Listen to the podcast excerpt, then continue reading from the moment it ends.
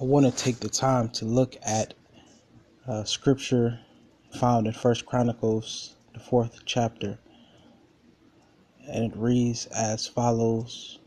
And it says, Jabez was more honorable than his brothers, saying that his mother birthed him out of her sorrow. Jabez called on the God of Israel and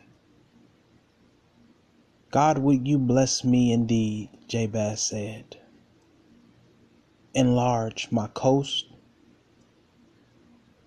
God, would your hand be with me? Jabez asked. And that you would keep me from evil, that it may not grieve me.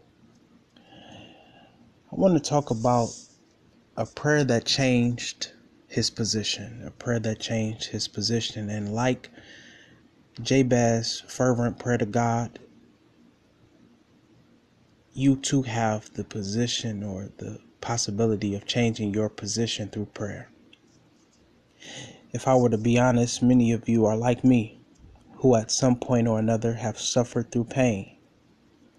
This was the case of Jabez, who suffered through pain. Many of us have suffered through the loss of a loved one, the pain of losing a job, the heartache of abuse and neglect, the agony of feeling that you're not adequate enough. You question whether or not you're too dark, too big. Do you articulate well enough? Some struggle with the pain of parenthood. You question whether or not you've been a good father or a good mother. Some have suffered through spiritual pain where you've lived up to the Christian code of ethics and you loved your neighbor. You you put clothes on those who are naked and you gave drink to those who are thirsty and you broke bread with some people and you forgave like Jesus told you to forgive and the people that you forgave are living life as if they've done nothing wrong to you. You looked out for some people when the truth of the matter is you really was the person who needed somebody to look out for you. Some have struggled with extreme circumstances, such as being poverty stricken. You know what it feels like to make it on just a little. Some have lived through the pain of low self esteem. You battle with, Am I not what God called me to be? You struggle with a sense of self worth. Some live with the pain of having to pop pills you need to get up and pop a pill just so that you can live. If you can relate to anything that I just said, you have experienced pain. In this season of your life, you will need to activate your own faith. Not grandma's faith or your mother's faith. You need to activate your own faith. And I pray that by divine duty, this message falls onto the spirit of someone who has a deposit box ready to receive a message. That this is your season to activate your faith. The faith that Jesus told his disciples to have in Matthew chapter 7 when he told them you need to have mustard seed faith. This is the kind of faith that when you speak to your mountain, your mountain has no option but to be casted away from you. This mustard seed faith is the faith that Jesus calls all of his followers to have. That if you have this type of faith, which in turn speaks to your belief system, if you believe if you believe so much so that any obstacles that you're faced with in life will be achievable, conquerable, you can rise above any circumstance in which you're faced with. Jabez prayed this prayer Oh, would you bless me indeed?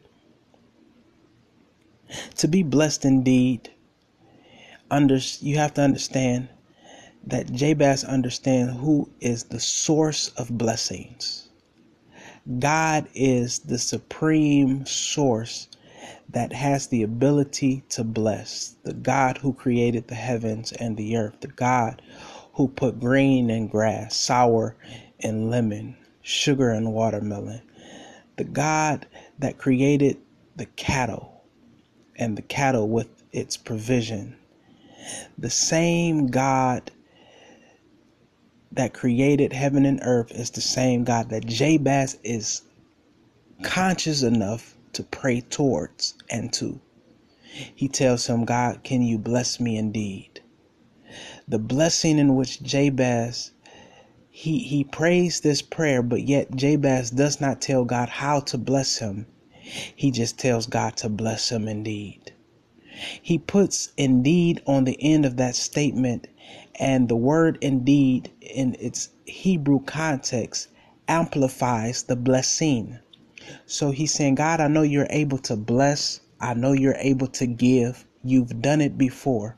But God, I need you to give more over than what my eyes have seen. I need you to do something for me that has never been done. God, I've seen you bless others, but I need you to bless. So he says, Jabez says, I don't want the average blessing, but God, will you bless me abundantly?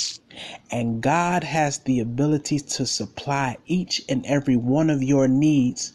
And God can do it because God is infinite, yet man is finite. Man has limits, but God has no limit. God, would you bless me indeed? Jabez prays this prayer and he says, Bless me indeed. Somebody right here, right now, may want that same blessing that God, you've done it for others. But God, could you do it for me? But can you do it for me to the utmost capacity? God, will you fill me up God, will you take me places I've never been? God, will you allow me to shake hands with people I've never shaken hands with? God, will you put me in a room with people who are creative and who have all of this in, innovation and ingenuity? God, would you do it for me? Jabez prays that prayer. And that's the prayer in which I want to pray as we get ready as I get ready to end this segment. God, you've been good. God, you're faithful and you're kind and you're powerful, omnipresent. You can be everywhere at the same time, yet remain in one place. As Jabez prayed the prayer of expansion in his blessings, God, I pray, God, that you will begin to bless those who hear this word. Bless us according to your will. Bless us abundantly, for you shall supply each and every one of our needs. God, you know us and you know our hearts. And so we ask that you would bless us richly, bless us expansively. God, would you pour over into us that our cups may overflow?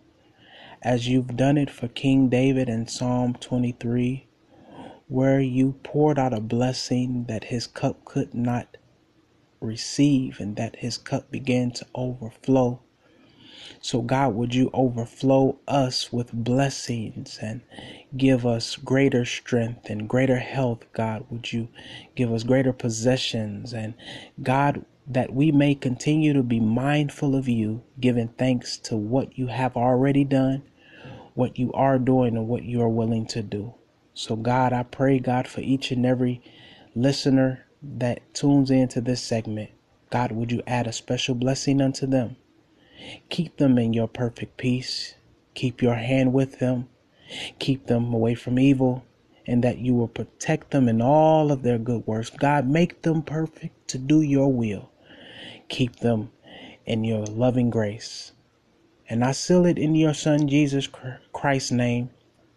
He who came, did ministry for the expansion of your kingdom.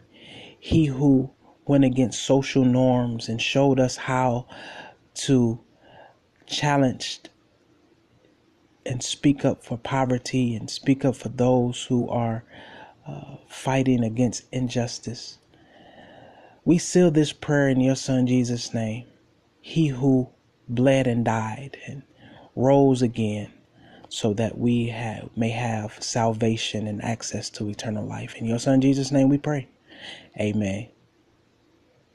Be blessed, and I pray that you tune in.